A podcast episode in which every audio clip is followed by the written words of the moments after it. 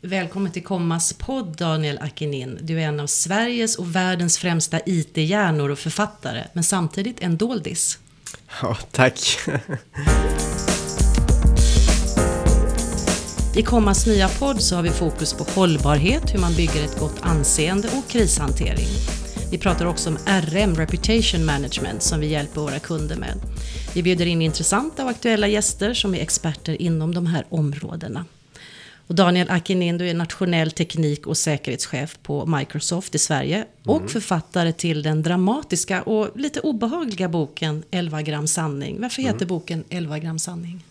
Ja, 11 gram. Det, det, man ska behöva läsa boken lite grann för att förstå eh, kopplingen där. Men den relaterar egentligen till mängden information som finns runt omkring i världen. Så att eh, boken handlar ju om hur man med hjälp av information kan eh, påverka världen. Eh, och faktiskt det begreppet fake news som nu har blivit ett begrepp i sig eh, var egentligen originalidén kring, kring boken. Så att man kan säga att de här grammen de representerar mängden fake news i, eh, i världen och vad du kan göra med dem. Och det låter inte så mycket, 11 gram. Nej, och information väger inte speciellt mycket. Det är ju bara Och information är ändå makt. Ja, det är spännande. Exakt. Med så pass lite fysiska elektroner kan du göra så pass mycket. En recensent beskrev boken som en utmanande spänningsroman om ett skrämmande scenario som är närmare verkligheten än många i sin vildaste fantasi kan ana. Den är mer än enbart fiktion, den är ett tidsdokument. Och den handlade om huvudpersonen Elias och hur en ensam människa med hjälp av information, psykologi och matematik skapar sig förutsättningarna att kontrollera en hel värld. Men, men är boken en del fiktion eller skulle en individ kunna kontrollera en hel värld genom att manipulera data så som i boken? Ja. Det jag försökte göra i boken var att försöka beskriva scenarier som var så pass realistiska eller åtminstone möjliga som, eh, som möjligt. Så jag vill inte hitta eh, scenarier som inte är eh, realistiska. Ofta är ju verkligheten, tycker jag i efterhand, nästan en, en större fiktion än vad man själv kan komma på. Men eh, ja, jag skulle vilja påstå att i den typen av scenario, den situation, så, så skulle det där kunna, kunna hända. Och jag tror att man ser det delvis hända i mikrodelar eh, idag. Då. Så man får läsa boken helt enkelt för att fördjupa sig ja, men det måste spännande. man nog göra. Men jag tänker på ett, ett könsperspektiv. Ja. Kunde det lika gärna vara en kvinnlig huvudperson, Elin, eller är IT-världen en manlig värld? IT-världen är tyvärr en ganska manlig värld. Eh, och så har det varit ganska länge. Eh, och det har gjorts väldigt mycket insatser på att förändra det. Och man ser skillnader. Men man ser inga dramatiska skillnader faktiskt inom IT-världen. Gör Microsoft något för det? Ja, vi har jobbat länge med olika initiativ kring årets IT-tjej och stöttat olika typer av initiativ. Så att det pågår ju projekt och det är många som gör eh, faktiskt projekt inom det här. Så att, eh, men jag tror det, det, skulle behövas en dramatisk förändring i antalet för att verkligen få det här att snurra. Att det är fler och fler som är intresserade. Så att eh, jag tror ingen, oberoende om du är tjej eller kille, vill jobba i en, en helt annan, liksom dominerad värld av ett annat kön. Mm. Du har utvecklat en av världens första anonymiseringstjänster för internetanvändare. Plus en kryptoalgoritm för börsen för att skydda digitala loggar mot manipulation det är digitaliseringens dubbla ansikte på något sätt. Nytta och samtidigt riskhantering. Vi mm. digitaliserar men vi måste riskhantera i samma takt. Gör företag det i den utsträckning som man borde? Det är lite blandat. Jag skulle vilja säga att man såg ett före och efter av eh, Transportstyrelsen i, eh, i somras. Då. Eh, där riskaptiten för företag har gått ner i väldigt hög utsträckning. Och det är Vad menar så, du med det? Jag menar att när man ser, det jag ser i många organisationer, det är att man tillsätter en grupp som ska digitalisera bolaget. Man känner drivkraften, man känner antingen tryck eller bara eh, generella drivkrafter. Vi måste digitalisera oss för att kunna komma vidare. Och vad man ofta gör är att man tillsätter en digitaliseringsgrupp med liksom en, ett, eh, ett direktiv att ta tillvara på det vi har, skapa nya affärsmodeller eller hitta nya kanaler som är digitaliserade. Och det låter logiskt. Och det låter logiskt. Och vad man också gör då det är att de kommer fram till många nya idéer och sen så går man till IT-säkerhetsavdelningen som ofta då finns i, i de flesta organisationer och, eh, och kommer med sina nya idéer och får ofta svaret nej, det går inte. Därför att man ofta vill stretcha ut lite grann vad man har, har gjort tidigare i var data ligger till exempel eller hur man behöver kommunicera. Så det finns en, en inneboende friktion skulle jag säga i de flesta företag mellan krav och intresse att digitalisera och IT-säkerhetsavdelningens intressen att egentligen riskminimera. Och de mm. där går lite grann i konflikt med varandra. Så vad jag tror att man måste göra för att inte riskera låsa sig här, det är att verkligen placera IT-säkerhetsavdelningens, eller egentligen förändra mandatet och eh, direktiven till IT-säkerhetsavdelningen. Du måste försöka digitalisera med hjälp av IT-säkerhetsavdelningen, inte som en motpart. Så du måste ingå i projektet och få egentligen ett direktiv att se till att göra en säker digitalisering. Se inte till att stoppa digitaliseringen. Nej. Och upplever man då att man har olika eh, uppdrag? Eller? Ja, det upplever jag och ser jätteofta eh, att man faktiskt har. Och då skapar du en, en ganska onödig konflikt inom, inom eh, de många bolagen. Vad är första steget för att närma sig varandra där? Det kan ju vara att sätta de här grupperna, eh, alltså när man skapar de här digitaliseringsgrupperna så har man med representanter från IT-säkerhetsavdelningen, man har förändrar kanske direktiven är väldigt tydliga från ledningen med att IT-säkerhetschefen vad uppdraget ska vara, vad man förväntar sig. Eh, så att du inte får det här liksom stoppet och bromsklossen. För att eh, det finns en inboende liksom, problematik ibland, inte alltid men ibland med att när du vill göra nya saker så utsätter du dig för ny risk. Eh, men du måste våga också och du kan ofta hantera den risken. Det har väl du gjort när du har utvecklat nya saker? Tänkt gränser och mm. tänkt nytt. Mm. Ja, men det, man måste våga ta ett steg. Har du ut. haft support då? tänker jag. Folk som har stöttat dig.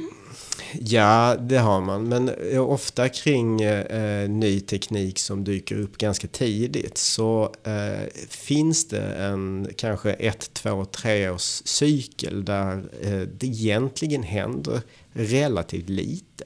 Och det rör, nästan rör vad som helst. Om det nu är blockkedjeteknik eller om det är eh, molnet och det som nu är väldigt aktuellt, eh, artificiell intelligens. Så att när man, man kommer, det tar lite tag. Man, så ketchup-effekten, eller vad man ska kalla den, den är inte en naturlig väldigt, process? Exakt, den är väldigt naturlig. Skulle ha en senapseffekt också. En Finns det någon sån? Fundera på det. Ja, precis. men, men är det någonting annat som företag ska tänka på när man, och ha beredskap för när man befinner sig i ett eh, digitalt ekosystem? Ja, jag brukar säga det om man, det finns ganska mycket att tänka sig. Men om man tänker sig förhållande till, till risk och säkerhetsbitar så skulle jag vilja säga så här till många företag att ni kommer när ni liksom börjar digitalisera möta ganska många nya aktörer som ni inte har pratat med tidigare. Så, vilket också, om jag, om jag tar Microsofts perspektiv, vi börjar också möta aktörer som vi inte har pratat med tidigare. Vi börjar möta arkitekter, vi börjar möta Eh, psykologer som vill digitalisera sig. Det är en annan typ av relation som börjar skapas när det inte bara är de stora, stora företagen och kanske då mindre företag som vill ha Office-produkter utan där du vill dig, verkligen digitalisera och förändra din affärsmodell. Och de, de liksom, relationerna är ofta nya och de behöver byggas upp nu. Just det. det kanske är så att någon som lyssnar på podden blir nyfiken på det du berättar och vill veta mer eller kanske har någon fråga till dig. Men då kanske man kan höra av sig till oss och så kan vi vidarebefordra frågan till dig. Går det bra? Absolut. Ja, ja.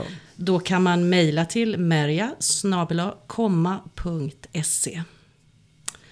Är det vanligare än vi tror att företag är utsatta för virusattacker? Ja, jag vet inte vad vi tror. Men det är vanligt. Det, är det. Det, det finns ett känt uh, citat, jag tror det är från en tidigare FBI-chef som sa att det finns två olika typer av företag. De som vet att de har blivit hackade och de som inte vet att de har blivit hackade.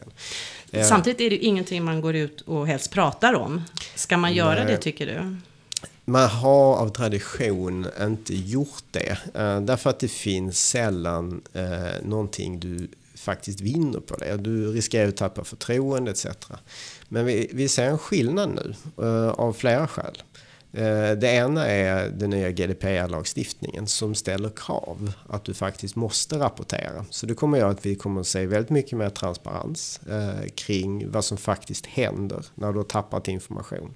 Är det bra? Ja, det är bra. Eh, för det innebär att du som individ får ju reda på när dina personliga uppgifter faktiskt är eh, at risk, så att säga. Där det skulle kunna vara, eh, du kanske vill ta tillbaka dem eller vill kunna göra någon åtgärd.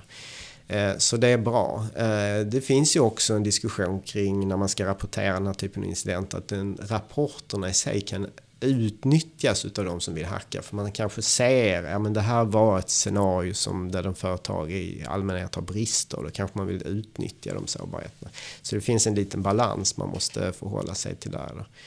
Eh, det andra är att företag börjar bli lite mer transparenta. Vi såg företaget eh, Maersk, det danska shippingbolaget nu, som fick en virusattack som gick ut och berättade, jag tror att de förlorade ungefär 300 miljoner dollar väldigt, väldigt mycket pengar. Stora summor. Ja. Mycket stora. Och, jag tror också det var en av anledningarna till att de gick ut. Det var att det var så pass stora summor. Då måste man i praktiken förklara. Därför att det påverkar ditt företag. Och har du ingen förklaringsmodell kring varför, vad som har hänt så, så eh, fungerar det inte. Så det, det, finns en, jag tror det finns flera drivkrafter som gör att vi kommer att se mer eh, information om vad som händer runt omkring oss faktiskt. Mm. Intressant. Du arbetar också i ett eh, Microsoft-initiativ som handlar om eh, attacker som är understödda av stater. Vad, mm. Mm. vad är din roll där? Ja, nej men det vi ser hända i den gruppen som jag arbetar på inom Microsoft har vi haft en diskussion under eh, nästan två år nu kring att vi ser en ökning av det man kallar för liksom nation state-attacker. Det vill säga många nationer idag vill eh, skaffa sig en ganska offensiv förmåga att kunna attackera andra länder. Eh, om det är en liksom, krigssituation. Då. Eh, och för ett par år sedan så var det många länder som var, eh, man ville kanske ha en, en defensiv förmåga. Men antalet länder som nu bara satsar på offensiva förmågor ökar hela tiden. Och ska du vara framgångsrik i eh, en, den typen av, av eh, liksom, eh, område då måste du öva, du måste testa, du måste eh, liksom provattackera andra länder.